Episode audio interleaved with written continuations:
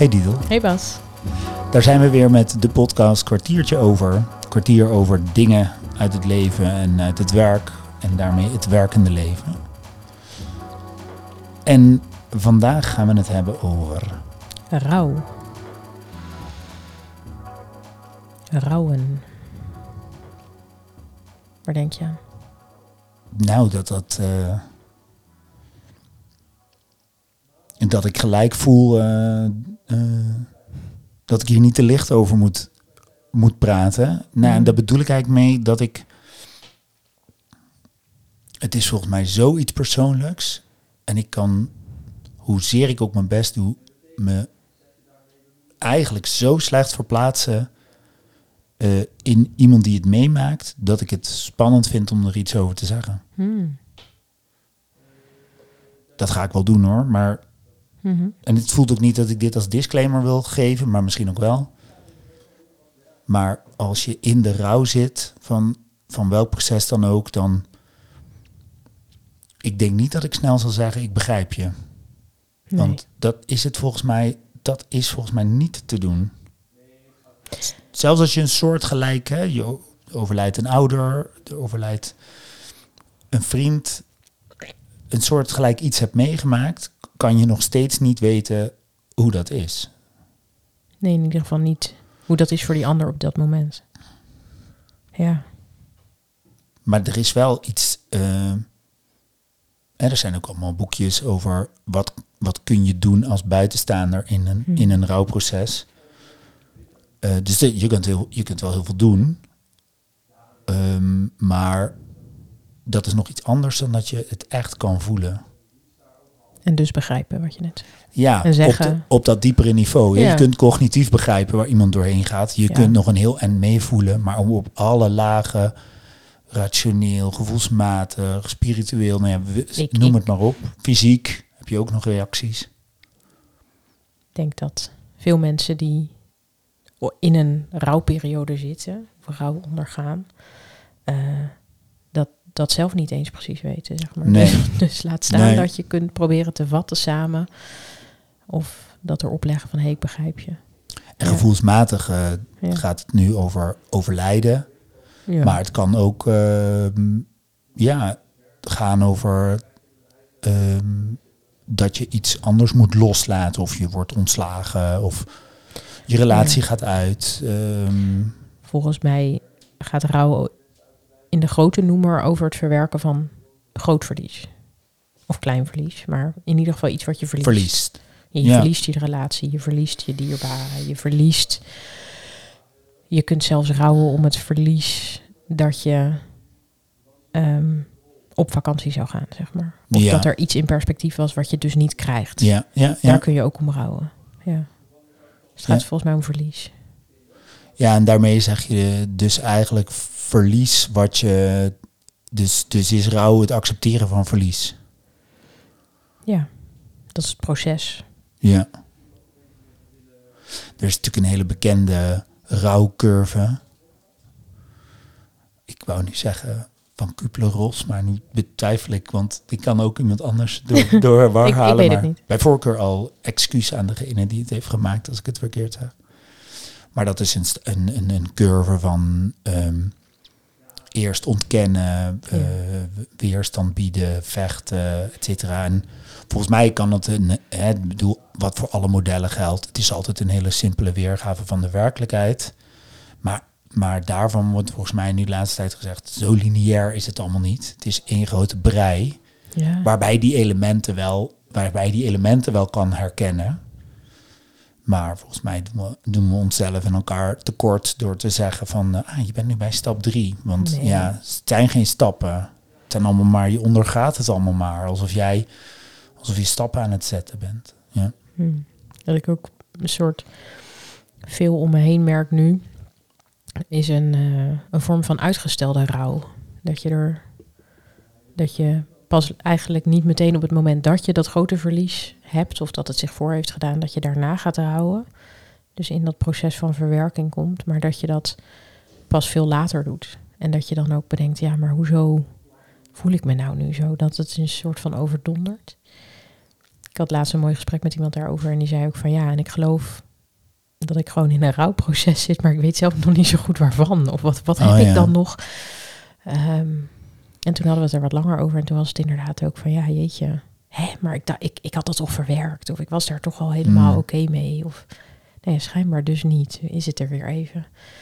Het voelt ook wel alsof rouw iets is wat. ehm, ehm, eh, ja, ik zoek even naar woorden. Maar wat ik, wat ik probeer te zeggen is dat, dat het echt met je meereist. Dat het zo'n soort van aan je, aan je kan plakken in het verwerken. En voor de een is dat iets wat, wat, wat licht ervaren kan worden. Voor de ander kan het soms heel zwaar zijn. Ehm, bij de een duurt het lang, bij de ander wat korter. Daarmee is het dus wat jij zegt heel persoonlijk. Maar ehm, soms is het heel nadrukkelijk aanwezig. Inderdaad, als iemand is overleden, ja, dan ga je er eigenlijk klakkeloos vanuit. Nou, dan komt nu de periode van rouw. En sommige mensen doen dat dus niet meteen, of die doen dat überhaupt niet. Eh, ehm, dat, ja, Ja, dus ik denk dat wil dat... ik eigenlijk zeggen. weet ik Nou, dat weet, dat weet ik ook niet. Maar ehm, ik, wat het bij mij triggert is dat het gewoon... Dat het vraagt dat je aansluit bij iemand. Mhm. Eh, omdat ehm, hè, voor, voor de een is een bepaald verlies gewoon heel groot en voor de ander heel klein. En dingen zeggen als zit je daar nou nog steeds mee? Volgens mij is dat echt killing. En Mm. moet, moet het veel meer gaan over waar ben je in je proces? Of dat lijkt me ook niet de allerbeste vraag, maar en dan moet dat eigenlijk meer de, eh, de ondertoon van je vraag zijn. Hmm. Van kan ik aansluiten bij je proces? Of neem me eens mee en wat heb je misschien Ja. nu nodig? Of misschien weet je dat ook niet. En veel meer gaat kijken van ik loop met je op. Ja, of ik ik even bij je zijn. ja, ik Ja. laat je niet los terwijl je dit proces loopt. Wat ik zelf al een, een rouw van een relatie die uitgaat. Wat ik, me- wat ik nog herinner daarvan is, eh, dat is me de laatste tijd even niet gebeurd. Maar wat ik me nog herinner daarvan is dat ik dan naastig op zoek ging naar drinking buddies. Dus eh hop de kroeg in. Dat ik dan eigenlijk de hele avond praat ik er wat over. En dan dacht ik, nou, dat doe ik best wel goed. En dan liep ik naar huis en dan was het gewoon in volle hevigheid weer terug. Dat ik dacht, oké, het was een welkome pauze. Maar de illusie dat, het nu, dat ik nu iets verwerkt heb, is echt totaal nu niet. is het klaar. Ja. Echt totaal niet. Sterker nog, het voelt dan nog wel erger daarna. Want dan, Mm. dan dit ook nog bijna heb ik een leuke avond gehad. Dan voel ik me weer zo. Er kan een schuldgevoel in zitten. Er kan van alles in zitten. Mm. En, en ik voel heel sterk van, oh ja, dat... Je, je hebt misschien dus wel eh, om zo'n relatie, weet ik veel, eh, eh, ehm, 100 uur te rouwen. Geen idee, hè? ik zeg maar wat. En als ik naar de kroeg ga, ja, dan schort ik dat gewoon vier uur op. En dan gaat gewoon die 100 uur, die teller weer door. Hè? Dus ik, waarmee het wel wil zeggen dat het misschien wel lekker is om die 100 uur niet in één keer te pakken, maar tussendoor ook. ja, volgens mij weet je zelf heel goed. Eh, en misschien andere mensen om jou heen ook wel wanneer je die pauze nodig hebt. Dus ook, ook die gewoon pakken. En dat bedoel ik misschien ook wel met inderdaad dat het, dat het continu een beetje met je meereist. Het is er ook niet altijd. Je gaat je ook schuldig voelen als je echt in een grote verliesverwerking zit. Van oeh, nu heb ik heel eventjes niet gedacht aan eh, degene die je bent verloren, zeg maar. Ja. Ja, jeetje. En boe, dat, ja, dat gaat steeds vaker gebeuren of steeds langer. Of, en daar dan oké mee zijn. Dat is eigenlijk in, dat is volgens mij dan wat er ook gaat gebeuren. En dat vind je in het begin gek.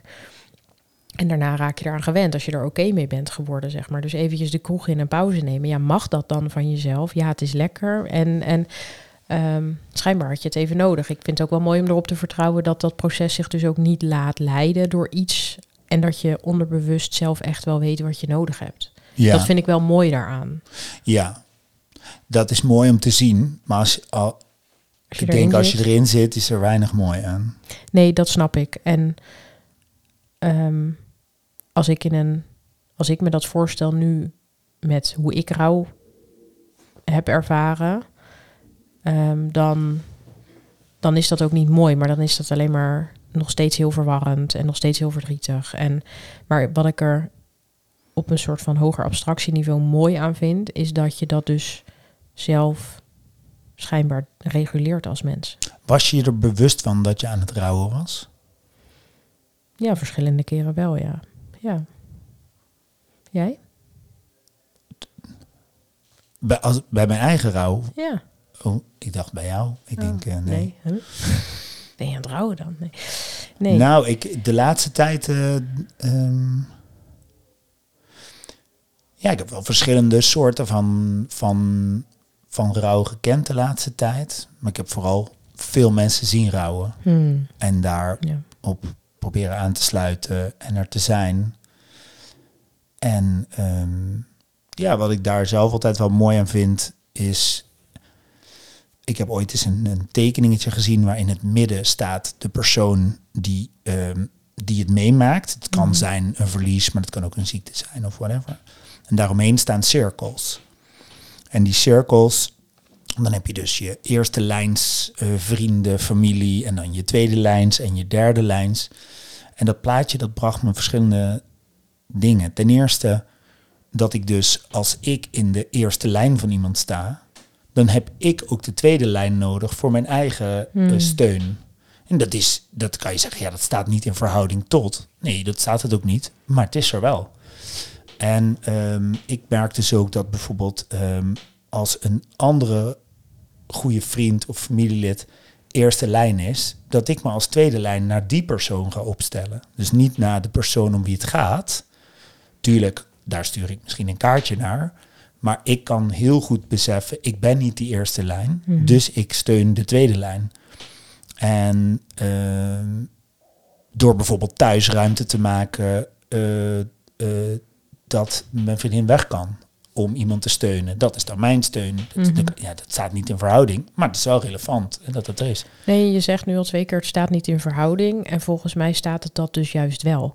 Want als het er niet is, dan ehm, in, de, is- in de steunstructuur, dan, dan, dan kan het misschien op een gegeven moment niet meer uit. zeg Nee, het is de juiste verhouding. Ja, Want de eerste ring zijn ook bijvoorbeeld maar vijf mensen en de tweede ring zijn er Ja. ook eh vijftig. Dus dat is ook maar een tiende. Als je het even heel sec, Ja. hè, als je het wiskundig ja, zo, ja. benadert. ja. En wat ik daar ook wel mooi aan vind, is dat, ehm, ja, dus ook eh, eh, hoeveel mensen dit proces aan het ondersteunen zijn. Dus Mm. als je rouwt, ik ken zelf rouw als zijnde ook heel eenzaam. Maar toen ik dit, en dat voelt ook, en dat mag je ook voelen, hè, laat dat vooropstellen. Maar als je dus in het midden zit, dan is het een soort waterrimpel-effect in al die tweede lijn, derde lijn, vierde lijn. Want iedereen praat daarover. Iedereen zegt, nou, ik had een collega op werk en die heeft een vriend en die is iemand verloren. Dat is, dat, dan zegt niemand, nou, dat is wel nu ben ik vijfde lijns dat je me dit vertelt. Val me er niet mee lastig. Nee, iedereen zegt dan, hey, vertel eens, hoe is dat? Moet je voorstellen dat je dus tot de vijfde ring, zesde ring, afhankelijk van wat er gebeurt. Ehm, en we hebben natuurlijk ook momenten van nationale rouw gehad. Met vliegtuigongeluk. En dat, dan, dan gaan de ringen, nou dan gaan de ringen, die zijn zo groot als het hele land. Kent iemand of kent iemand die iemand kent. Nou ik word enthousiast, dat is misschien niet helemaal... Maar wat ik er mooi aan vind, is dat ik denk van ja, maar dus zo, zoveel mensen steunen dat of weten hiervan. En, en dan mag het nog steeds zo heel eenzaam voelen. Maar ergens vind ik dat wel heel mooi. Een soort rouwrimpel effect. Dat dat naar buiten gaat. ja, waar ik dan meteen een beetje naar zoek is. En als je dan inderdaad diegene bent die in het midden van die cirkel staat. En je voelt je misschien wel alleen.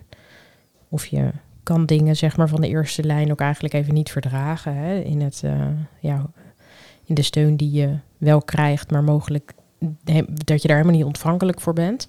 Denk ik ook, ja, dat is ook voor die eerste lijn en die tweede lijn, maar ook inderdaad voor die pe- persoon in het midden die, die in dat rouwproces zit. Is dat zo ongelooflijk ingewikkeld soms.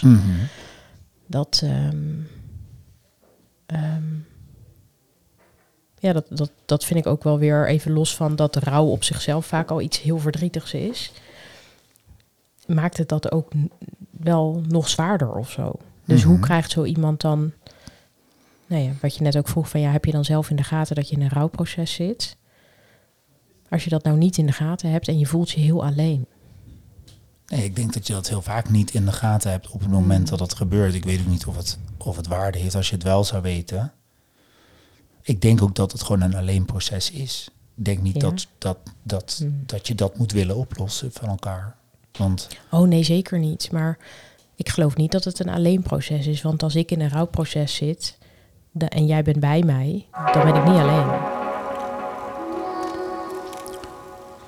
Ehm, nee, dan ben je zeker niet alleen. Alleen, ik denk dat het wel vaak zo voelt. Het is niet zo. Ja, Maar ik denk dat het, het, dat het alleen voelen erin, dat dat een deel van de rouw is. En dat dat dus iets is wat je alleen te doen hebt.